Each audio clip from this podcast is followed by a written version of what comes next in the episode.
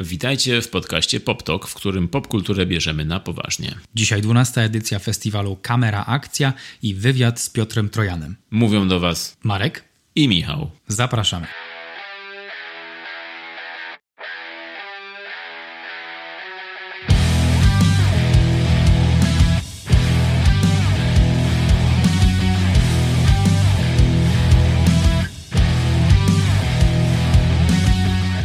Ostatnio byliśmy na 12 edycji festiwalu Kamera Akcja, festiwalu krytyków sztuki filmowej. Jest to taki podtytuł, trochę inaczej jak Wszystkich Wściekłych.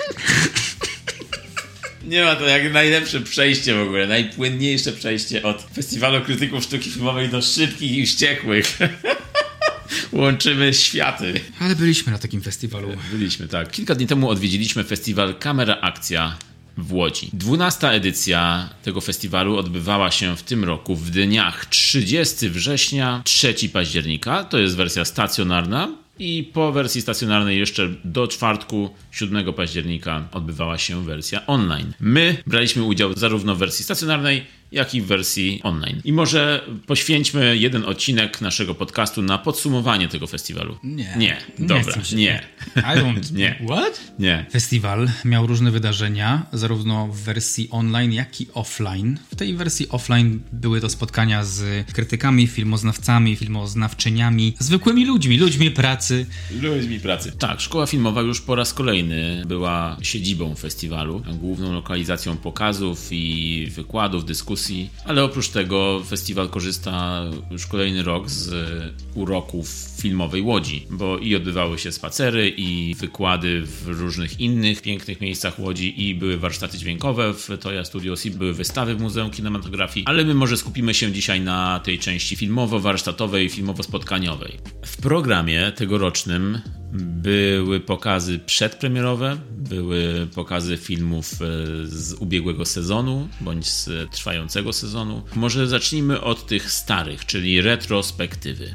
W tegorocznych retrospektywach były m.in. klasyka krytyka, gdzie można było obejrzeć takie filmy klasyczne jak Windą na szafot, czy Oczy bez twarzy, filmy, którymi się inspirują współcześni twórcy, a które są często może mniej znane lub też rzadko wyświetlane. No i super możliwością jest, że takie filmy można zobaczyć na dużym ekranie. Ja na przykład widziałem kiedyś Oczy bez twarzy i nie zrobiło na mnie takiego wrażenia jak teraz na ekranie kinowym podczas festiwalu z innymi ludźmi. Podobało mi się no, dużo bardziej niż, niż jak kiedyś to widziałem. No, oprócz tego były też takie cykle jak e, pejzaże współczesnej Ameryki, nadzorowane przez koło filmoznawców Uniwersytetu Łódzkiego. I w tym był na przykład film Nebraska, który wiem, że ty widziałeś.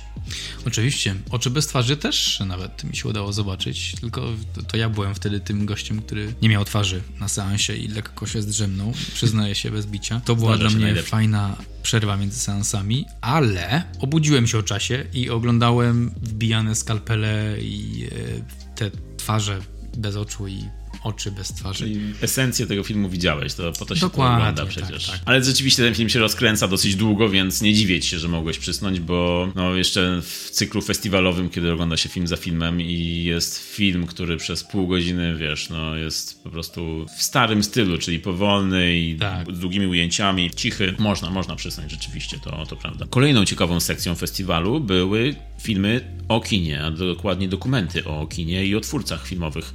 E, większość tych filmów była pokazywana online, ale na przykład można było na dużym ekranie obejrzeć film Altman, film dokumentalny o Robercie Altmanie, już sprzed kilku lat, ale nadal ciekawy. Można było zobaczyć filmy o Miloszu Formanie, film dokumentalny, w którym to Forman właściwie przez półtorej godziny opowiada o swoich filmach, o sobie, o, o kontekstach, o sytuacji w kraju, swojej rodzinie. No, ciekawie się go słucha, jak to opowiadacza typowego. Był film o Williamie Friedkinie, który ja już wcześniej widziałem, o, o kręceniu egzorcysty, ale też, też bardzo, bardzo dobrze się słucha Williama Friedkina. Jest bardzo wciągające to, co zawsze mówi, te wszystkie anegdoty z planu i spoza planu.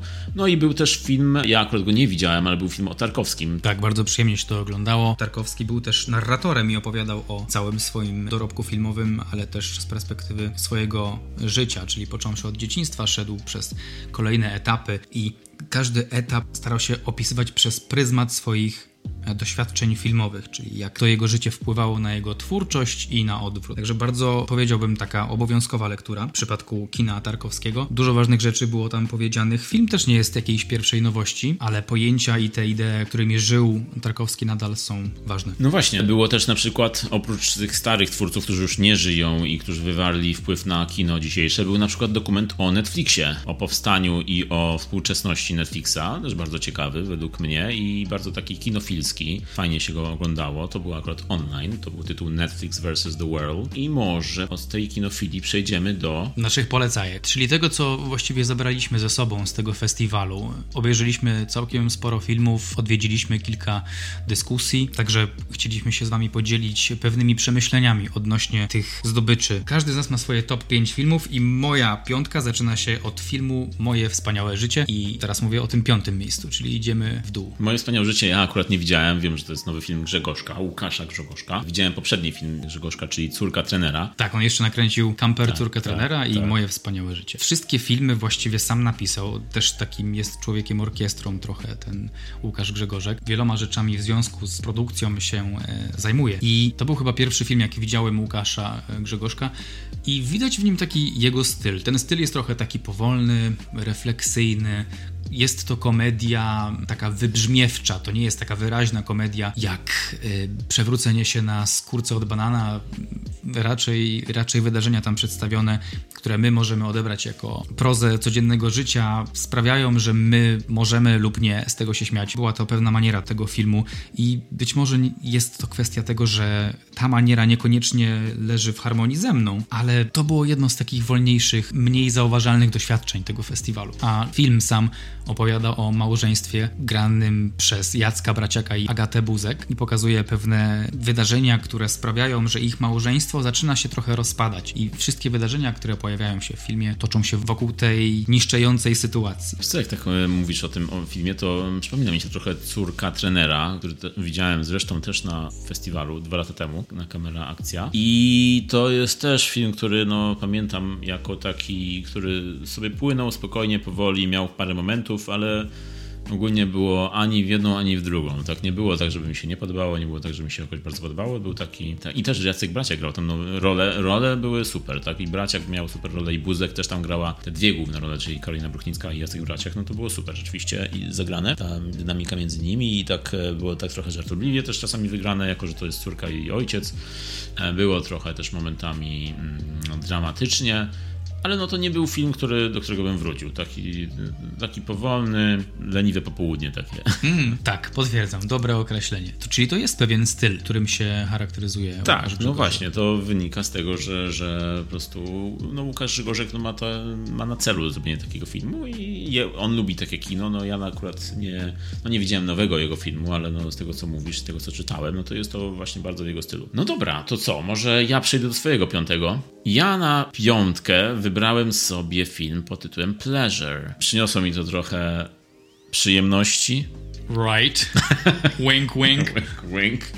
I jest to film o 19-latce, która przyjeżdża ze Szwecji do Los Angeles, żeby zostać gwiazdą porno. Prowadza nas w ten świat tego kalifornijskiego porno biznesu. No i jak się domyślasz, jak się w ogóle można domyślić, te, ten świat no nie jest przyjemny i mimo, że ta nasza bohaterka która ma pseudonim e, artystyczny Bella Cherry. Ona ma taką ambicję, chce zostać gwiazdą i myśli, że będzie wyjątkowa, że ten biznes jej nie, nie zwichnie i nie widzi, żeby to było coś złego. Ona nie, nie mówi prawda rodzicom o tym, rozmawia ze znajomymi, z koleżankami, one wszystkie te dziewczyny grające w tych filmach nie widzą w tym nic złego i to jest na początku przedstawione tak, tak w miarę pozytywnie, z czym z czasem trwania filmu się to bardzo staje negatywne i bardzo widać te wszystkie ciemne, mroczne strony porno biznesu i traktowania kobiet, aktorek i tego, że, co trzeba zrobić, żeby się wybić. Ta cała fabuła nie brzmi jakoś oryginalnie, bo jest to typowe bardzo przedstawienie. No, no i nie wyobrażam sobie, żeby inaczej raczej przedstawić tej sytuacji,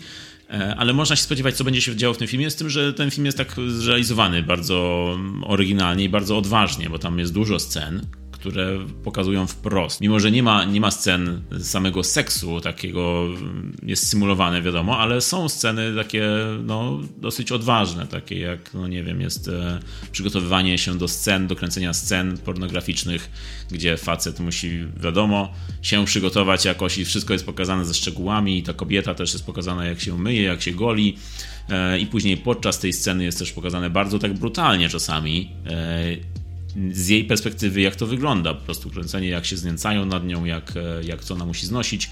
Jest to czasami bardzo intensywne doznanie. No i ten sposób zrobienia tego filmu, taki bez ogródek, yy, bardzo, bardzo mi się podoba. No, jest, jest to coś, czego nie widziałem wcześniej i reżyserka, w ogóle debiutantka, nazywa się ona Ninja Cyber. W każdym razie ta reżyserka to jest jej debiut i bardzo, bardzo dobry debiut pod tym kątem, że już y, Hollywood się do niej odezwało, bo ma robić niedługo remake filmu Czarownica z Eastwick.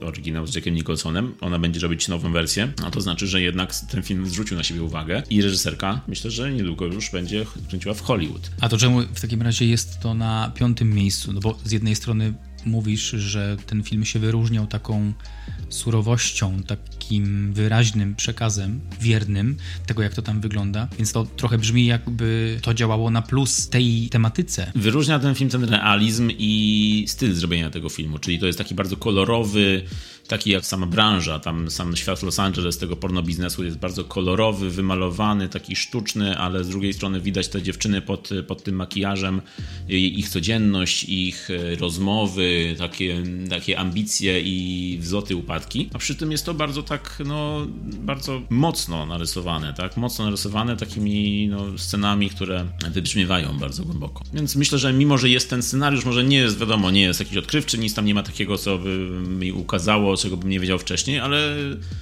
film jest bardzo, bardzo tak ciekawie zrobiony. No dobra, Pleasure. Nie widziałem tego filmu i szczerze mówiąc trochę się obawiałem właśnie, jak to będzie przedstawione. Filmy o mm, branży pornograficznej są zwykle z tego, co kojarzę, jak oglądałem e, dokumenty na, na Netflixie, to one właśnie mają taki charakter dosyć wyraźny i wydaje mi się, że muszą mieć, skoro tak wygląda ta branża. Ludzie chcą to w jakiś sposób e, sportretować wiernie, więc to, to służy na pewno filmowi, natomiast jest to jakieś y, wyzwanie kinowe. Ja mam na czwartym miejscu Oczy bez twarzy. Ten, na którym przysnąłeś. Yep. Are you sure? Myślę, że... Myślę, że czwarte to jest takie bezpieczne miejsce dla tego filmu, bo rzeczywiście przysnąłem, no to było jakieś 5-7 minut może straciłem. Okay, okay. Ale ten film jakbym oglądał go rzeczywiście w 1960, to myślę, że bym o nie miał z zachwytu. Było tam dużo rzeczy, które są też tak w konwencji współczesne i ludzie, tak jak powiedziałeś, e, inspirują się tym filmem, jak na przykład Almodovar Skóra, w której żyje, to był tytuł. Więc sam film wydawał mi się bardzo pomysłowy, natomiast on tutaj e, padł ofiarą realizacji z początków drugiej połowy XX wieku, po prostu. Nie było tam muzyki, nie było żadnych uatrakcyjniaczy, które powodowałyby, że wzrok jest przykuty cały czas. Był to pewnego rodzaju fetysz oglądanie tego filmu e, bo był bardzo charakterystyczny i dobrze odegrany jak na tamte czasy, podobał mi się. Natomiast to wszystko było takie baśniowe, wolne, again, trochę takie wolniejsze i nie sklejała mi się trochę ta historia cała, ale chyba nie o to chodziło w tym filmie. Chodziło o to, że to był horror, to jest stary horror, można go teraz docenić. Niektóre rozwiązania operatorskie były imponujące, jak na tamte czasy, wykorzystywanie luster i tak dalej. Tak, tak, tak. Te efekty tej, tej twarzy. E, tak, tak, przecież charakteryzacja też była fajna. Tak, tak, tak. I to oczekiwanie na to, aż zobaczysz tą twarz pod tą tak. maską, też było fajnie całkiem zrobione i no ten film ma klimat przede wszystkim rzeczywiście. Mm. No, jest taki baśniowy, tak jak powiedziałeś, taki mm. trochę trochę jak jakaś taka baśna z Christiana Andersena, taka no, dosyć mroczna, ale trochę baśniowa nadal. I rzeczywiście, no, nie robi dzisiaj wrażenia takiego, jakby ktoś obejrzał, no, jak, nie wiem, współczesny horror, no to się nie wystraszy na tym filmie, ale, ale ma taki klimat, taki oniryczny rzeczywiście i, i, i ta końcówka jest taka fajna, ten finał jest... Y, Is it though? No, jest pod tym względem, że no, dzieje się tam bardzo tak nagle i dużo się dzieje w tym finale. Aha. Aha. No tak, tak, tak. No, oczywiście wiem o czym mówisz.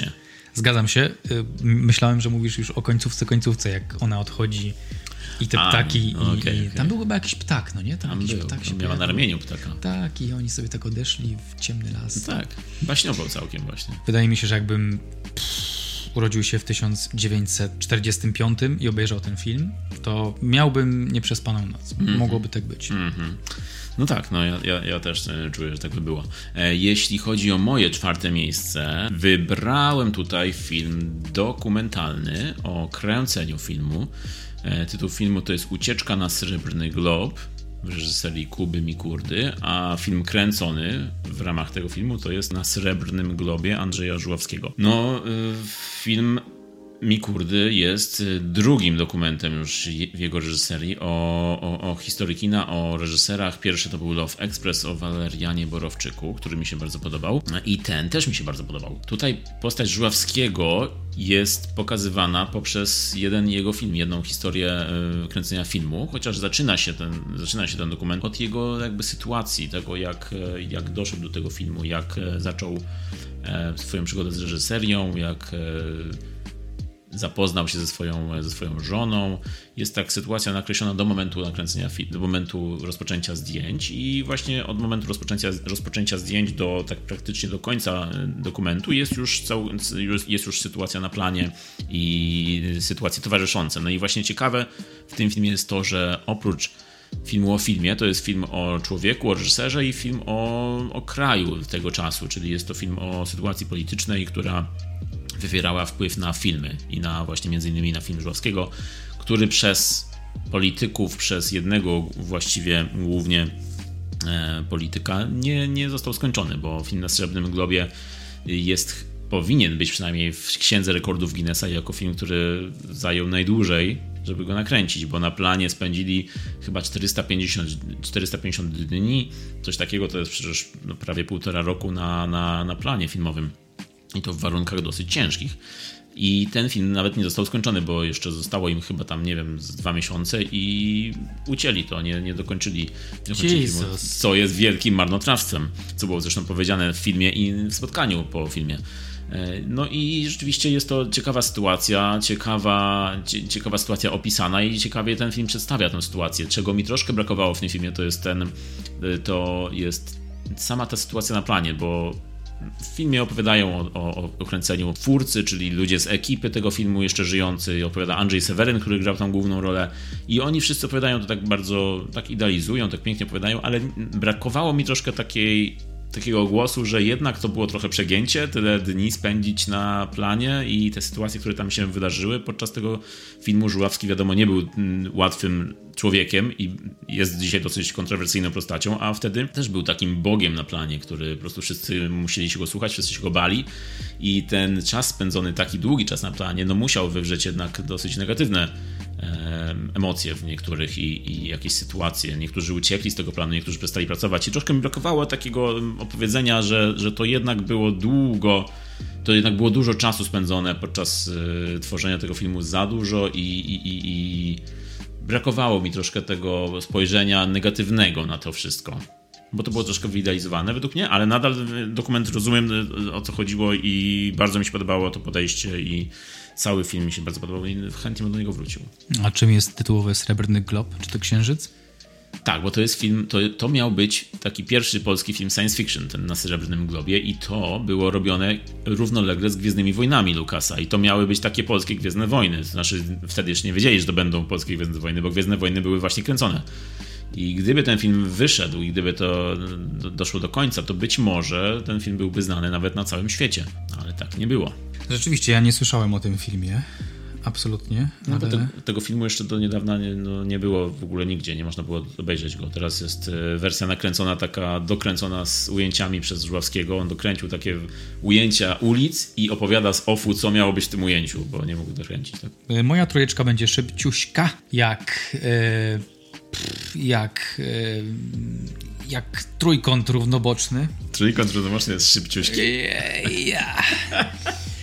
It's Nebraska. It's A, Nebraska business. Okay, Bardzo okay. mnie uwiódł ten film i charakter drogi w tym filmie i akustyczna gitara towarzysząca wielu scenom i ta dynamika, jaką mieli główni aktorzy między sobą. No, dla mnie ja byłem, byłem kupiony siedziałem tam i przeżywałem z nimi te trudne chwile. Film opowiada o synu i ojcu, o, ich bardziej relacji takiej i, i, i, podróży, którą odbywają na rzecz ojca, bo oj, ojciec ma początkowe stadia e, demencji i ubzdurał sobie, czytając jakąś ulotkę marketingową, że wygrał milion dolarów i idzie pieszo do Lincoln. I e, ten syn w końcu ugina się pod e, próbami ojca pójścia tam pieszo.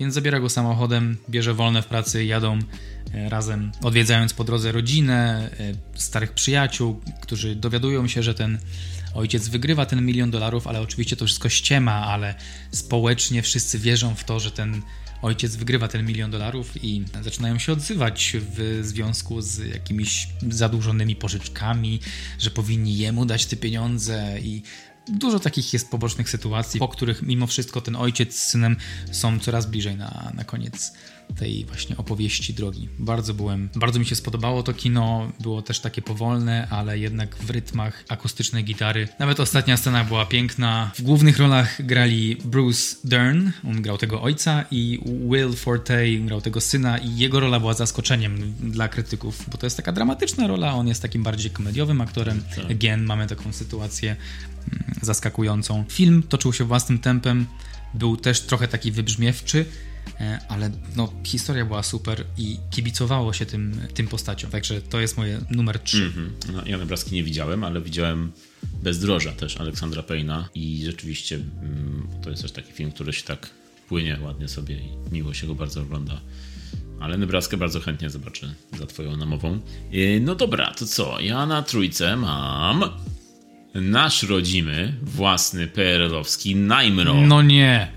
Yes, sir. W osobnym odcinku możecie usłyszeć naszą recenzję filmu Naimro, ale powiem, że jest to bez wstydu polska komedia sensacyjna, bo no, jest to, tak jak już wiele osób porównywało, polski Guy Ritchie, polski Edgar Wright, pan Mateusz Rakowicz, reżyser, e, zrobił film bardzo przyjemny, bardzo elegancki, taką balladę naszą własną, która może spokojnie lecieć w świat.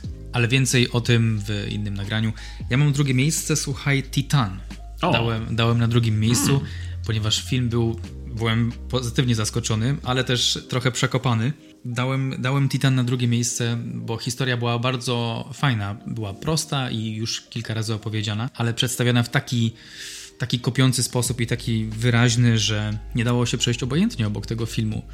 Natomiast mimo wszystko jest, jest to trochę trudne e, kino. Tam było dużo trudnych rzeczy, ale bardzo mi się podobało. Titan opowiada o, mm, o wielu rzeczach tak naprawdę, ale w takim znaczeniu referencyjnym opowiada o tym, że jest pewna dziewczyna, którą widzimy na początku jako tancerkę erotyczną i cały czas z nią zostajemy przez wszystkie jej wydarzenia w późniejszych etapach opowieści, ale wiemy, że ta dziewczyna przeszła y, traumę w dzieciństwie i ma zamontowaną tytanową płytkę na czaszce, która pozwala jej przetrwać te wszystkie lata ale coś się w niej dzieje, jest jakaś zmiana, o której nie do końca wiemy na początku tego, y, tego filmu i y, ona zaczyna mordować ludzi i to ją doprowadza do pewnych ciekawych wniosków, może tak powiem, żeby nie spoilerować. Jasne, jasne. Myślę, że o filmie Titan też jeszcze będziemy mówić bliżej premiery, e, bo to jest przedpremiera w Polsce i to jest e, no, Złota Palma w Cannes tegoroczna. No to może tak, do Titan jeszcze wrócę, ale na razie na drugim miejscu mam film Sweat Magnusa von Horna. Film, który już miał swoją premierę wcześniej, był w kinach między pandemiami, ale ja go dopiero teraz zobaczyłem na festiwalu. No i spociłem się trochę podczas tego filmu, bo jest to film, który jest zrobiony tak bardzo energicznie i też pod skórnie jest taki, tam się siedzi coś w nim. Opowiada o dziewczynie, która jest influencerką e, fitnessową, prowadzi treningi, ma swoich followersów na Instagramie i, i w innych miejscach jest taką jakby boginią internetów, jak tam jest pokazane. I no i jest pokazana jej twarz, kiedy prowadzi te różne relacje, kiedy prowadzi różne treningi. Jest jej twarz taka w samotności, kiedy jest sama, siedzi w domu, nie ma, nie ma nikogo, partnera, ma mamę, z którą ma trudną relację. I widać w niej, tej naszej bohaterce takie rysy, które ciężko jej wypełnić i próbuje wypełnić tym, tą sławą i, i właściwie no jedynymi relacjami, jakie ma, to są relacje na Instagramie. Ten film pokazuje bardzo dobrze takie ulotne chwile autorefleksji naszej bohaterce, bo widzisz, że ona jest taka powierzchowna i ten świat jest taki powierzchowny, ona jest takim narcyzem w tym świecie, ale z drugiej strony też rozumiesz ją, współczujesz jej, widzisz jej taki dramat, co ona przeżywa, jak ciężko jest jej wyjść z tego, a swoją drogą ten film jest bardzo atrakcyjnie zrobiony, bardzo dobrze się go ogląda i nie jest do końca taki, jak myślałem, że będzie. Czyli myślałem, że ten film będzie bardziej typowo się rozgrywał, a zaskoczył mnie w kilku momentach, szczególnie pod koniec. Bardzo, bardzo dobry film, polecam. No i Magdalena Koleśnik w głównej roli, no jest świetna po prostu, zarówno w scenach sportowych i tych treningów, jak i w scenach takich e, bardziej wyciszonych. No jest super. Bardzo dużo emocji pokazała w tym filmie. No dobra, to co? Mamy teraz pierwsze nasze miejsca. Tak, pierwsze miejsce. Ja czuję, co będzie u ciebie na pierwszym i ty czujesz, co będzie u mnie na pierwszym. Tak, u ciebie będzie Titan, u mnie jest Najmro. No tak jest. To mów. No nie za...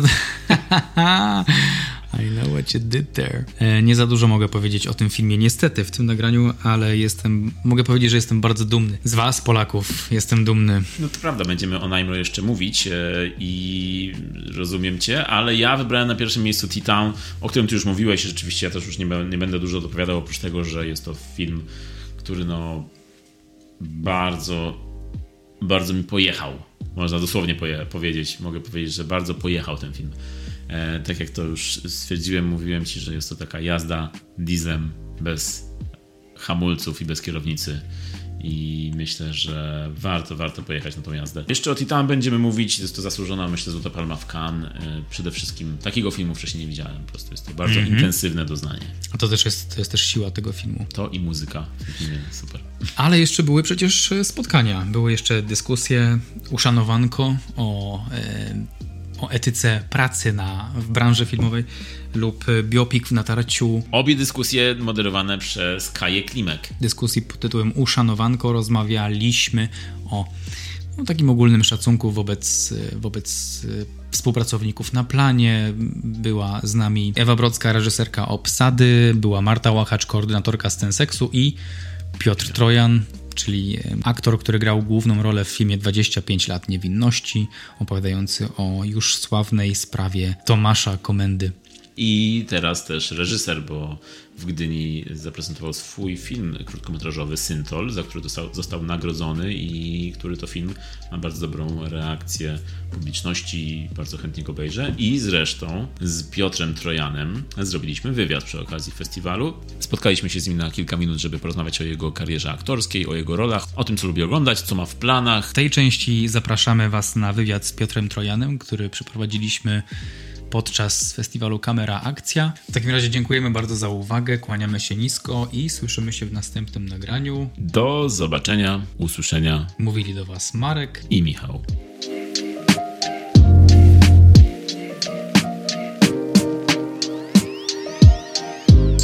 O 25 lat niewinności. Zacznijmy od tego, że w ciągu ostatniego roku dostałeś duże uznania nagród e, za ten film i może coś się po prostu zmieniło w karierze, w życiu e, w związku z tymi nagrodami, z tym uznaniem. No bardzo dużo się zmieniło, bo zacząłem dostać propozycje, dobre propozycje, duże role. Ja zacząłem odczuwać, że nie muszę już w końcu ludziom udowadniać, że jestem dobry, bo ja byłem dobry w moim mniemaniu przed tym filmem. Po prostu nikt nie dał mi tej szansy, bo zawsze wybierano po prostu nazwisko, albo producent wybierał osobę, na którą ludzie pójdą do kina.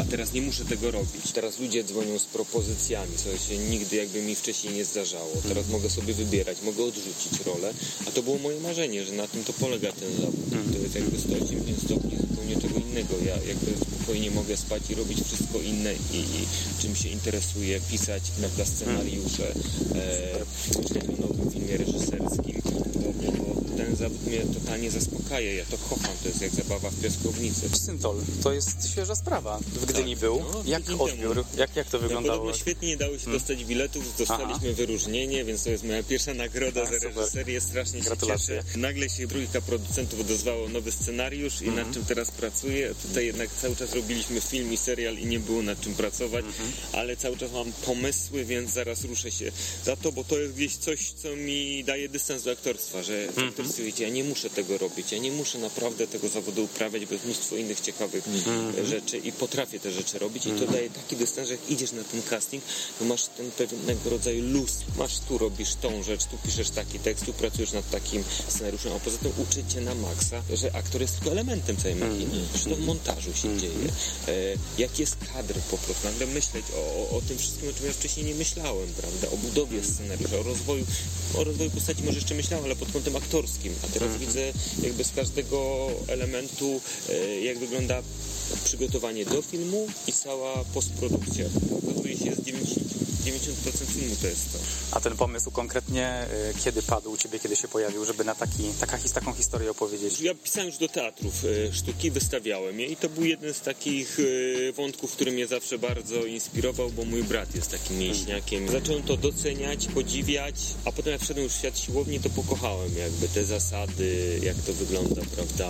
E, te wideoblogi chłopaków, którzy wiedzą wszystko na każdy temat. Oni mnie wzruszali, ich kontakty z matkami mnie bardzo wzruszały bo nagle widziałem wielkiego chłopa i, starszą panią, która mu goli tyłek, prawda, czy maluje go brązerem. Mm.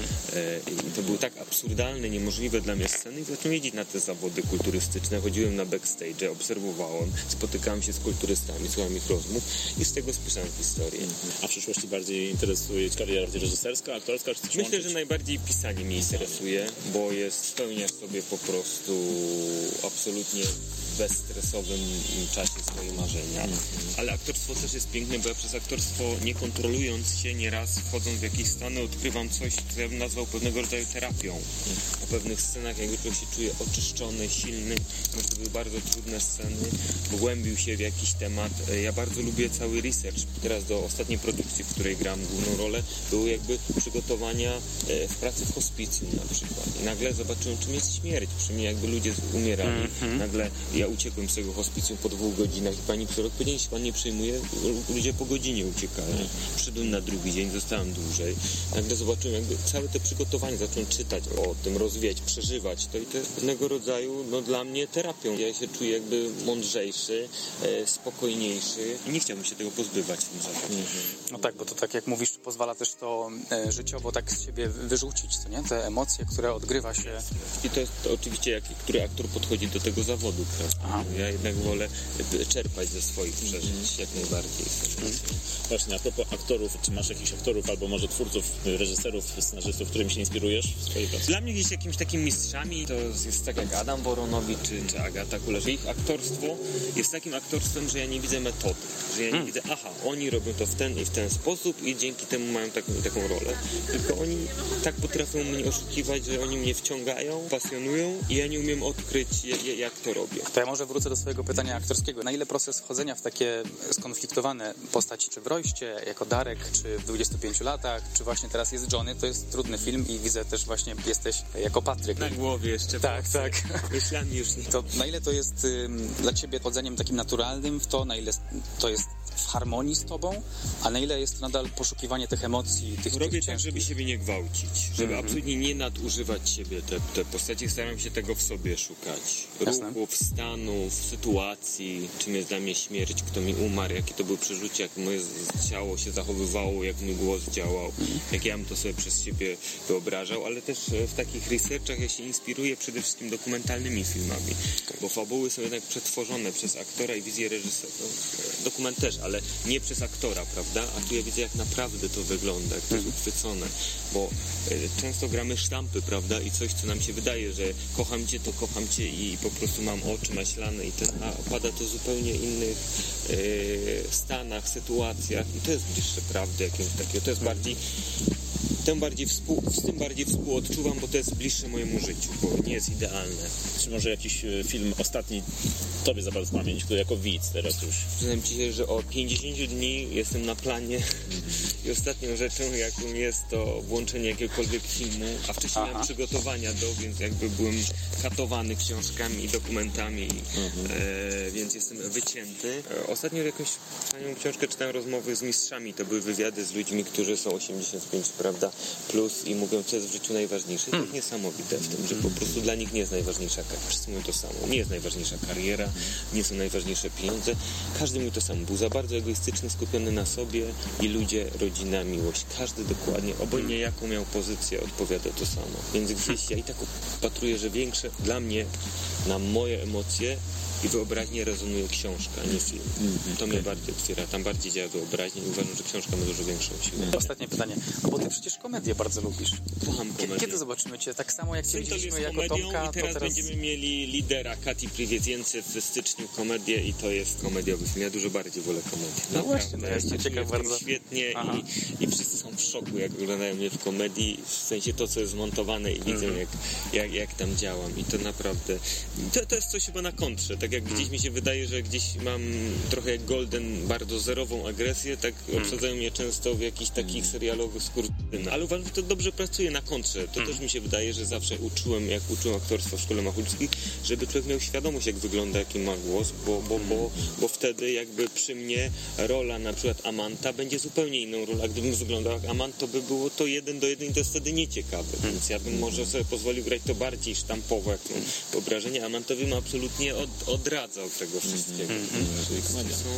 Wiecie. Komedia, czekamy na to. Ciekawe, właśnie. Masz, Zobaczyć. masz jakąś ulubioną komedię, do której wracasz? Ja mam dużo, wiesz, du, dużo, dużo. Uwielbiam, kocham dziewczyny do wzięcia po prostu. I to kocham po prostu, to jest wspaniałe.